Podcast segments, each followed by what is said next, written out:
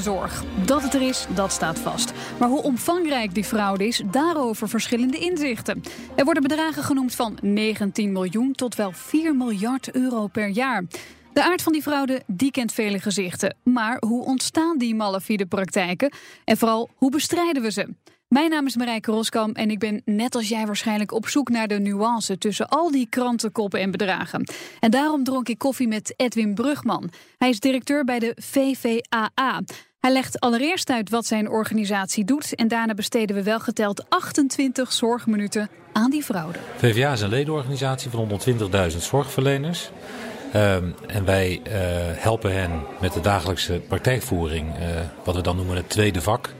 dus uh, zij zorgen voor hun patiënten en wij helpen ze bij het ondersteunen daarvan. Ja. En als je dan kijkt naar de dagelijkse praktijk en alle krantenartikelen en media over fraude, dan lezen wij en horen wij: de zorg is een walhalla voor fraudeurs. Ik zie jou al een beetje glimlachen. Het is wel een hele ronkende zin.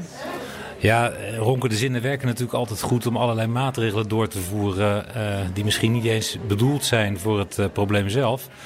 Uh, kijk, wij denken dat uh, de zorg vooral een walhalla is voor heel veel regels. er is ontzettend veel regeldruk ingevoerd, doorgevoerd. Ook onder het motto van fraudebestrijding. Maar als we ja, daar wat beter naar kijken, denk ik dat je daar heel genuanceerd naar, over, moet, over moet praten. Als we dan kijken naar een artikel van het AFD, dan gaat het op maar liefst zeven punten mis. Uh, geen wettelijke eisen voor bestuurders en nieuwe zorginstellingen. Laten we met dat eerste punt uh, beginnen. Wat is, uh, wat is jouw reflectie daarbij? Ik denk dat de journalisten goed werk hebben gedaan om een uh, zeg maar achterliggend probleem in beeld te brengen. Maar ik denk dat we daar ook heel genuanceerd naar moeten kijken. Je ziet er een groot verschil tussen zorgaanbieders en zorgverleners. En uh, wat je constateert is dat uh, zeg maar in dit stelsel er een gelegenheid is gecreëerd voor partijen die zich eigenlijk tussen de zorgverlener en de patiënt hebben gesteld. Wat voor partijen zijn dat? Heb je voorbeelden uit de praktijk? Nou ja, de, de, de, de journalisten van het FD hebben dat natuurlijk wel mooi in beeld gebracht. Hè? De, uh, de partij die op een gegeven moment thuiszorg biedt, bijvoorbeeld, die inmiddels geloof ik dat de heren ook in het buitenland verblijven. En blijken dus minder zorg te hebben verleend aan de patiënten die recht hadden op meer. Zorgverleners ook niet hebben betaald. En nou ja, je kunt vaststellen dat uh, de patiënten en de zorgverleners in dat geval de dupe zijn. En wij zijn er ook dan echt ook een groot voorstander van om heel goed te kijken naar wie zijn nou eigenlijk die fraudeurs. Ja, maar je, je kunt naar ze kijken, uh, maar je hebt geen mandaat wettelijk om aan die partijen iets te doen. Wat, er, wat zou er volgens jullie moeten gebeuren? Wat zou er al helpen om uh, selectie aan de poort te krijgen of halverwege zo'n proces die mensen toch eens in de kraag te vatten? Ja, ik, nou ja, je kunt je, het, het systeem wat, we, wat, wat met name ook de zorgverzekeraars creëren, is dat er steeds grotere organisaties ontstaan.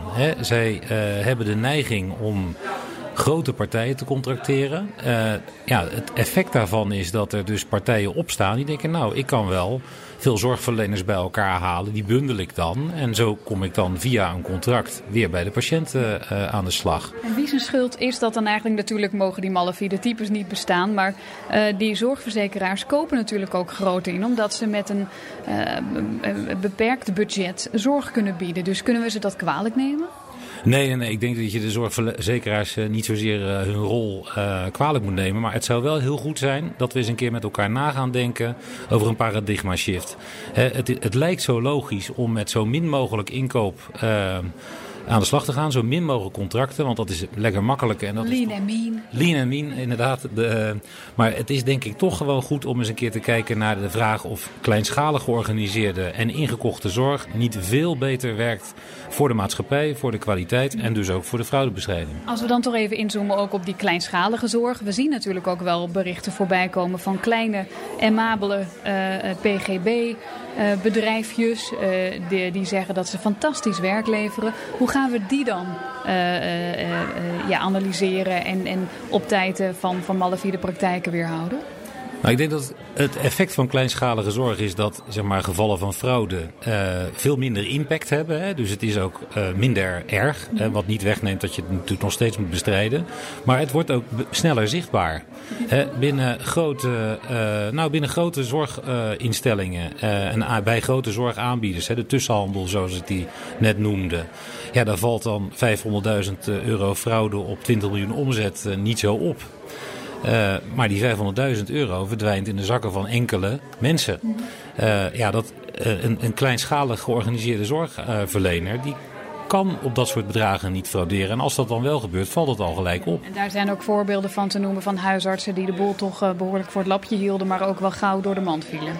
Nou, dus ik denk dat er heel weinig uh, voorbeelden zijn van echt grote fraude door, van de kant van zorgverleners. Maar inderdaad, als ze er al zijn, dan vallen ze door de mand. En wat interessant daarbij is, is dat die moeten dat terugbetalen. Hè. De kosten worden op hen verhaald en wat mij betreft ook terecht. Bovendien worden ze voor de tuchtrechter gedaagd. En dat is natuurlijk anders dan bij uh, de partijen dan die, die die tussenhandel vormen. Zo'n zo dokter die dan fraudeert, die wordt ook voor de terugrechter gedaagd en kan dan heel vaak zijn vak daarna niet meer uitoefenen. Dus de schade is voor die partij vele malen groter. En ik denk ook dat je dan in zijn algemeenheid zal zien dat hè, zeg maar van dokterskant uh, fraude nooit uitsluiten is, maar wel veel kleiner is. En ik denk dat we ook moeten pleiten voor een proportionele aanpak.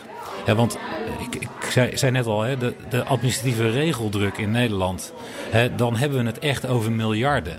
Waarbij een, een, ook zo'n emabel bureau uh, dat goed wil doen met PGB-budgetten per kwartier ook aan de gemeente bijvoorbeeld moet laten weten wat ze doen. Ja, en dan kun je dus echt afvragen wat we daar nou mee bereiken. En hè, afgelopen week uh, is de Raad voor de Volksgezondheid en Samenleving met een interessant rapport gekomen waarin wordt gepleit voor meer vertrouwen. En um, meer vertrouwen lijkt dan haaks te staan op een wens om fraude aan te pakken. Maar juist meer vertrouwen hè, kan je ook organiseren door het kleinschalige beter te pakken. Uh, zou ook heel goed kunnen leiden tot uh, meer gevoel bij patiënten, de humaniteit weer terug in de zorg, meer tijd voor patiënten en meer verantwoordelijkheid. Is het sowieso een ondoenlijke opdracht om die zorg nog te verlenen? Want ik lees dan overal tegelijk met die ronkende zinnen: de zorg wordt onbetaalbaar, mede door uh, al die schade die wordt geleden door, uh, door fraude. Bent u het daarmee eens? Nou, ik ben het al helemaal niet eens met. Hè, de, uh, over de omvang van fraude doen natuurlijk uh, de, de meest bijzondere verhalen de ronde. Uh, de, zorgverzekeraars, om het even in perspectief te plaatsen, hebben uh, in 2016 voor 18,9 miljoen aan fraude opgespoord. de NZA begrootte eerder in een soort ja, nog niet afgeronde rapportage de totale fraude op 80 miljoen. Hè, dus dat is een factor 4 daarvan.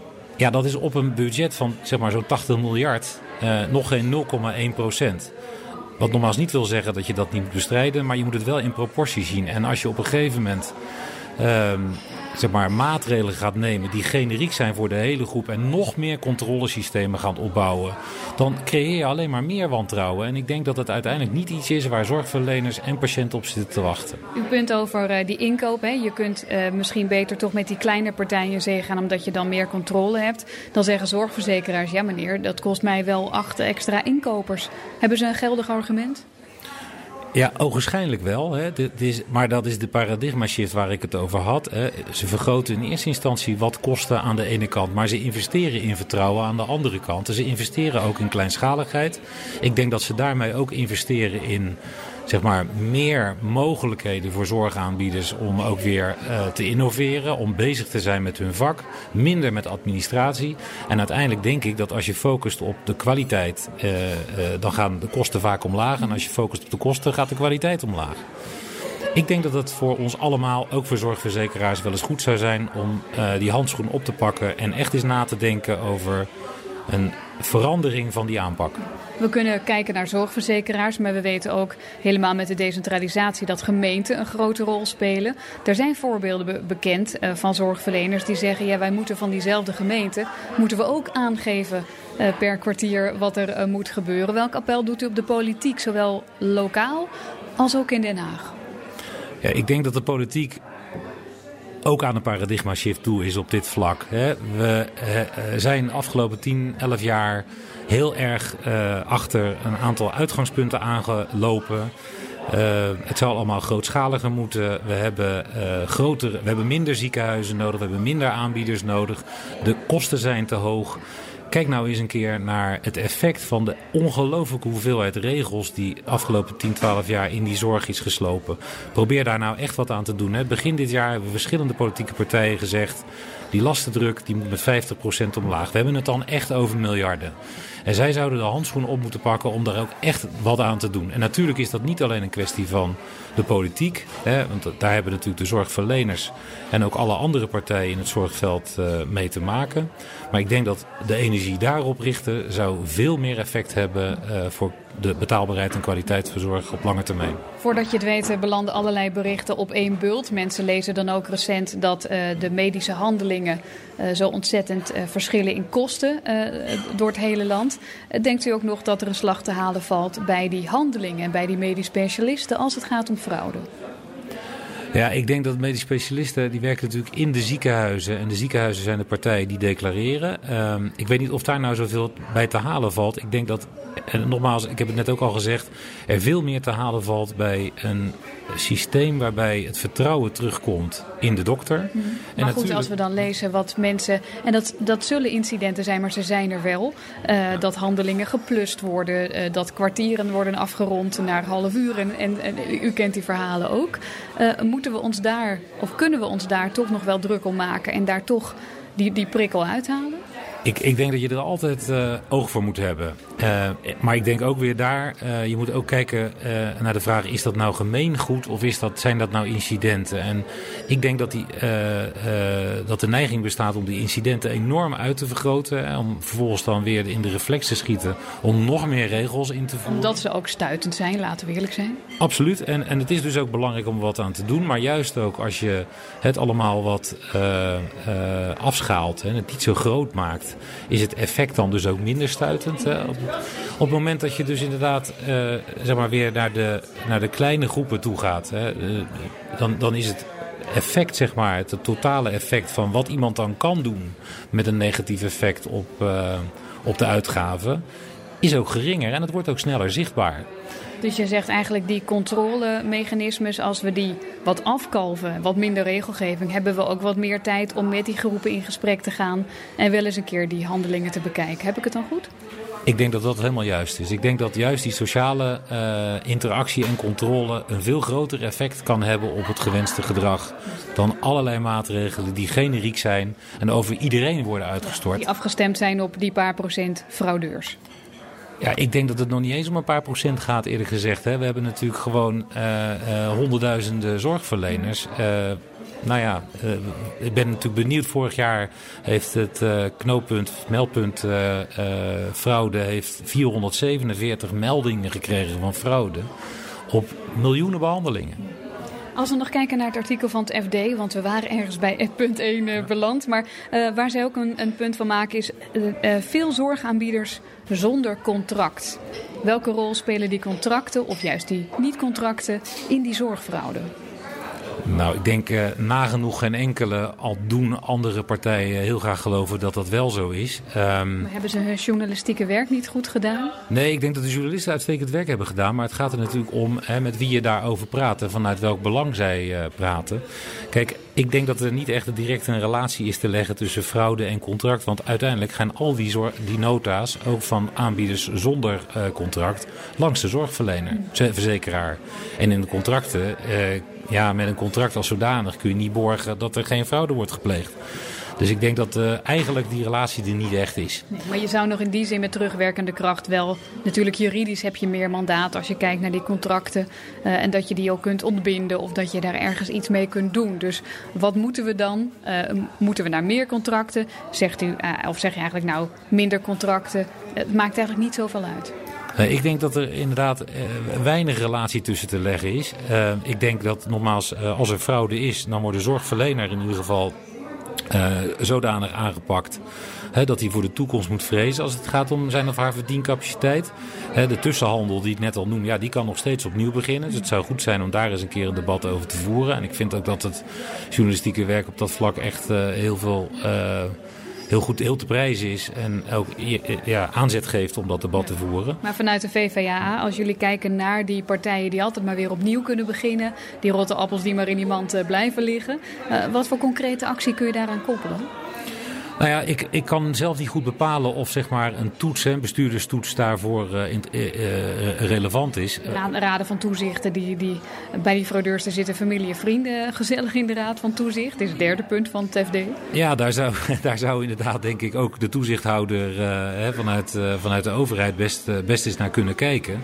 Het is natuurlijk wel zo dat toezicht onafhankelijk moet worden georganiseerd. Overigens is er een zorgbrede governance code hè, waar die partijen zich aan zouden moeten houden. Ja, maar er wordt nou nauwelijks in de praktijk op, op gecontroleerd. Zou je dan verwachten als je dus ziet dat de zoveelste malafide knakker opnieuw kan beginnen? Ja, dus, dus dan zou je kunnen zeggen, joh, dan moeten we misschien toch de, de, de informatie die daarvoor beschikbaar is, hè, die instellingen moeten allemaal publiceren. Hè, ligt het voor de hand om eens te kijken van, nou ja, uh, hoe, hoe functioneert dat nou in de praktijk? Dus, dus, je zegt eigenlijk, het is een soort, uh, je, je haalt de regeldruk af, maar als het gaat om dat toezicht, dan moeten we daar wel strakker op zitten. Zijn er voorbeelden van? Uh, ik ken ze zelf niet. Uh, en ik, ik vraag me ook af hè, of je zeg maar, uh, zover moet gaan dat je weer nieuwe regels gaat toevoegen aan het, uh, aan het hele systeem. Um, je kunt je dus ook afvragen of zeg maar, dat soort partijen wel goed georganiseerd zijn. En misschien is dat wel ondersteuning van mijn pleidooi. Om juist hè, meer met uh, kleine groepen zorgverleners rechtstreeks te, con uh, te contracteren. U zegt, welke partijen zijn dan niet goed uh, geëquipeerd, om het zo maar te zeggen, om werkelijk die partijen en die raden van toezicht te checken? Nou ja, ik denk dat we het dan over de overheid hebben, want daar ligt natuurlijk een overheidstaak. Hè. Die, die is toch de partij die toezicht moet houden. Hè. Inspectie voor de gezondheidszorg en dergelijke, waar ook die rapportage naartoe ja, gaan. En die zouden meer middelen moeten hebben en, en uh, ja, ik zal niet zeggen meer wetgeving, maar in ieder geval die wetgeving beter moeten kunnen toetsen. Ja, ik zit een beetje te zoeken naar ja, wat we kunnen verbeteren in de praktijk.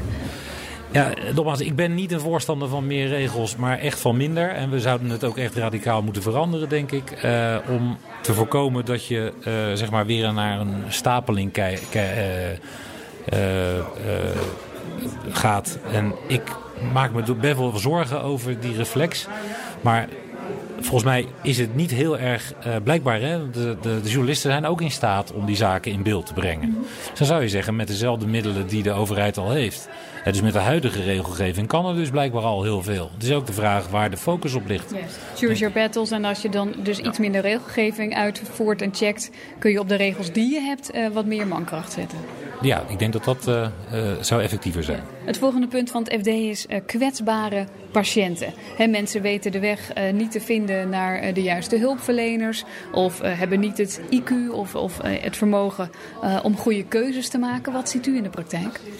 Nou ja, ik denk dat, dat, dat we dat wel hebben gezien bij de PGB's. Hè? Dus mensen die recht hebben op een PGB, maar verdwalen in het woud aan regels. Um, dat die mensen op een gegeven moment hulp zoeken is natuurlijk niet vreemd. het is spijtig om te zien dat in eerste instantie bij deze mensen eigenlijk de, de verantwoordelijkheid ook voor die fraude werd neergelegd. En gelukkig heeft het werk van de journalist ook laten zien dat dat nou ja, toch wel heel genuanceerd ligt. -hmm.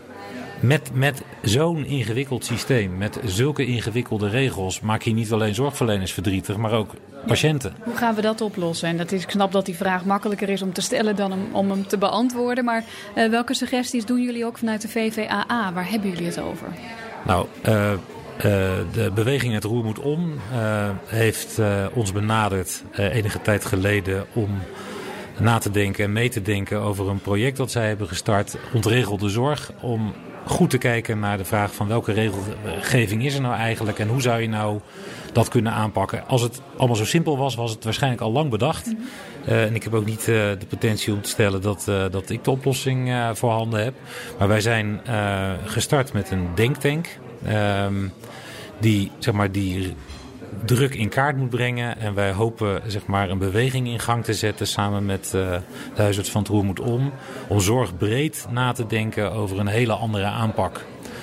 Um, we hebben het gevoel dat daar een momentum voor ontstaat. Uh, veel partijen die zeggen ja, het is eigenlijk allemaal wel doorgeschoten. Uh, ik noemde bij het begin ook al hè, 6, 7 miljard wellicht aan onzinnige regels, ja. aan regeldruk. En brieven zijn ook moeilijk te lezen voor die mensen die ze ontvangen. Ja, dus je moet daar gewoon op alle fronten op een hele andere manier naar kijken. Maar dat begint, en dat heeft de Raad voor de Volksgezondheid en Samenleving ook wel gezegd, ja, dat begint met vertrouwen. Daar moet de dat moet de basis zijn. Maar als we kijken naar die kwetsbare doelgroepen, waarvan je dus niet wilt dat ze in zo'n fuik uh, belanden van een uh, malafide PGB-kantoor.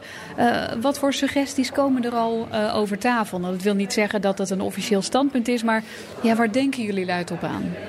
Nou, ik, ik kan nog niet daarop vooruitlopen. We hebben nog onvoldoende informatie om zeg maar, te zeggen dat zouden oplossingsrichtingen richtingen zijn. Wat je, wat je wel zou moeten bekijken is, elke regel die er is, is die nou eigenlijk nog wel zinvol? En waar is die nou eigenlijk ook weer voor bedoeld? Uh, en moet je dat niet gewoon maar schrappen? Maar moet die beslissing uh, voor die zorg of welke route te bewandelen, uh, moet die niet veel meer liggen bij de mensen die er ook verstand van hebben? En moet je dat wel overlaten, zeg ik met enige schroom, aan iemand die niet dat IQ heeft. Of die, niet, die bijvoorbeeld in een lastige psychische, psychische situatie zit. Nou ja, nou, ik, heb, ik, heb, ik heb begrepen dat we in Nederland uh, eh, 2,5 miljoen mensen hebben die echt grote moeite hebben om verschillende systemen in de maatschappij te begrijpen. En dat zal uh, niet alleen gaan om zorg, maar om veel meer. we hebben het ook over mensen die de taal niet spreken en die door allochtone kantoren worden benaderd omdat zij de formulieren wel snappen en weten in te vullen. Ja, ik denk dat je dus inderdaad heel goed moet nadenken. Hoe, hoe, is die, hoe, kan die, hoe kunnen die partijen, de tussenhandel, hè, want daar hebben we het dan eigenlijk toch nog steeds over. Hoe kon die er eigenlijk tussenkomen? Hè, met welk gemak is dat eigenlijk zeg maar, zo ontstaan? En is het dan logisch om dat, hè, dat systeem te laten bestaan? Moet je niet vanuit overheidswegen die mensen meer helpen? ik denk dat je daar, uh, daar in ieder geval serieus over na moet denken als je constateert dat daar echt grote problemen zitten. Dus je kunt de participatiesamenleving wel willen, maar dan moet je die mensen die het moeilijk vinden om te participeren wel iets meer aan de hand meenemen. In die jungle die af en toe de zorg is.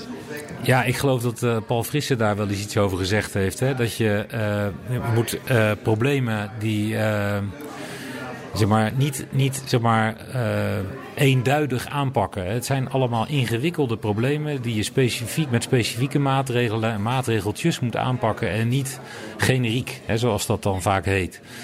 Uh, veel meer nuance, veel meer kijken naar het echte probleem wat er op tafel ligt. En niet naar makkelijke oplossingen uh, zoeken die dan goed scoren in de politiek en in de media. Maar echt kijken wat is er aan de hand en hoe kun je die mensen echt helpen. En dan is vaak de vraag, wie betaalt dat dan? Dat maatwerk en dat uh, menselijk contact uh, om die mensen in de goede banen te krijgen. Ik, ik gok dat, dat u zegt, dat moeten we met elkaar opbrengen. Dus die kosten moeten we ook met elkaar delen. Ja, maar het is dus ook de vraag, is net als bij de discussie over kleinschaligheid. Uh, Gaat het wel om meer kosten? Dat vraag ik me dus af. En ik denk dat het heel erg goed zou zijn dat we met z'n allen daar eens een keer goed naar kijken en onderzoek naar doen. Het vaststellen van een indicatie is gevoelig voor fraude. En ik heb voorbeelden uh, gelezen, juist van mensen die thuis zaten uh, uh, en die wel het IQ hadden. nou, ik douche me eens eventjes niet, ik poets mijn tanden niet, ik, ik trek mijn shirt achterstevoren aan. Ik heb het, bedenk het zelf niet, hè, maar dat zijn de voorbeelden die in de, in de media voorkomen. hoe lastig is die indicatie en, en wat, wat zijn de issues daaromheen? Nou, ik ben geen zorgverlener, maar het lijkt me enorm lastig om uh, in, in bepaalde gevallen een, uh, een, indicatie vast te stellen. Of als gemeente of zorgverzekeraar te bepalen of die indicatie juist is. Ja, ik denk dat uh, je moet ook gaan kijken naar het, het, het, principe van de welvaart. Hè. Het feit dat we dat soort zaken hebben, tekent ook de welvaart. Het is de prijs die je ook betaalt als maatschappij, denk ik. Even goed, ja, je zult moeten blijven kijken hoe je dat wat je wel wil betalen en wat je niet wil betalen. Maar, ik bedoel meer, zijn er voorbeelden van hoe je toch doelmatiger met elkaar die uh, zorgvrager helpt? Want we hebben er niks aan als we die indicatie, als die aan alle kanten wordt geplust. Of als daar nog steeds iemand zit die zegt, nou, doe er maar tien uurtjes bij. Nee, ik denk dat het ook daarvoor geldt, denk ik, dat je uh, meer inzicht moet hebben in wat de problemen van mensen nou eigenlijk echt zijn.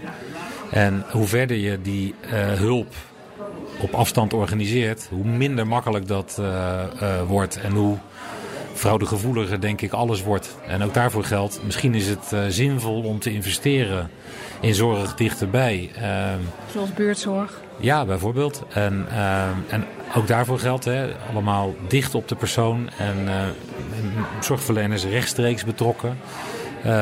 maar ook binnen gemeenten zie je wel voorbeelden, denk ik, van heel betrokken mensen die uh, rechtstreeks met de burger praten om te kijken waar de problemen opgelost kunnen worden. Dus u, doet in die zin een uh, appel op de uh, lokaal verzorgde zorg. Hè? Dus, dus types als buurtzorg, maar ook de gemeente zelf.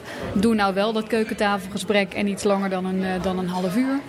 Ja, en, en praten ook met zorgverleners en, uh, en andere partijen die zicht hebben op wat er in zo'n gemeenschap gebeurt. En, vertrouwen ze. Ja, en, en, en zorgen er ook voor, vertrouwen ze, maar ook zorgen ervoor dat ze ook dichter bij uh, de mensen kunnen zijn. Want hoe groter die afstand is, hoe groter eigenlijk de problemen worden, denk ik. Als het gaat om uh, wat de VVA zelf kan doen en, en waar ook nog wel meer nadruk op komt. Want iedereen kan altijd nog net een stapje verder of beter. Uh, wat gaan jullie zelf nog meer doen om die zorgverhouden niet zo bepalend te laten zijn in alle headlines? Wij focussen ons nu echt op uh, het ondersteunen van het project van HRMO Ontregelde Zorg. Daar gaat echt wel onze energie naartoe. Dat is één. Twee, wij proberen natuurlijk zorgverleners goed te ondersteunen, ook met hun administratie. Um, en uh, ervoor te zorgen dat zij er kunnen zijn voor hun patiënten. Um, en daarnaast willen we ook wel de stem zijn richting het publiek. Hè. Hier staan zorgverleners voor. Vertrouw ze nou. Uh, die oproep willen we wel doen omdat het heel belangrijk is dat je in een spreekkamer tussen zorg, uh, met je zorgverlener vertrouwd kan praten. En dat die ook gemotiveerd is. En uh, persoonlijke betrokkenheid is volgens mij dan uh, key om toch maar heel Amerikaans te klinken. Want ik kom hier het café binnen en uw iPad staat werkelijk vol met allerlei artikelen en aantekeningen. Je moet je er ook persoonlijk echt druk over maken, zie ik. Ja, kijk, ik ben ook burger en ook patiënt en eigenlijk van alles. en betaal natuurlijk ook mee. Maar ik heb zorgverleners leren kennen als heel gepassioneerde groep mensen. En ik vind het toch heel moeilijk om te zien. We, we, willen generaliseren in de maatschappij is, is niet goed. dat geldt dus ook richting zorgverleners. En ik denk toch dat we ons heel goed moeten realiseren dat dag in dag uit zijn dokters, verpleegkundigen, tandartsen, fysiotherapeuten, logopedisten, diëtisten en noem maar op, elke dag bezig met passie voor hun patiënt. Die passie hebben ze in ieder geval uh, op, onze, op mijn collega's overgedragen. En wij werken elke dag met plezier voor ze. Uh, ja, dat moet toch de boventoon voeren bij alles wat je doet, denk ik. En volgens mij hadden we nog drie uur in het café kunnen zitten, want er zijn nog veel meer vragen te stellen over fraude in de zorg. Wil jij meer weten over die zorgfraude, over hoe het ontstaat en wat wij eraan kunnen doen met elkaar? Beluister dan ook het zorgdebat via vvaa.nl/slash zorgdebat. En via die link vind je nog veel meer interessante en urgente thema's in de zorg.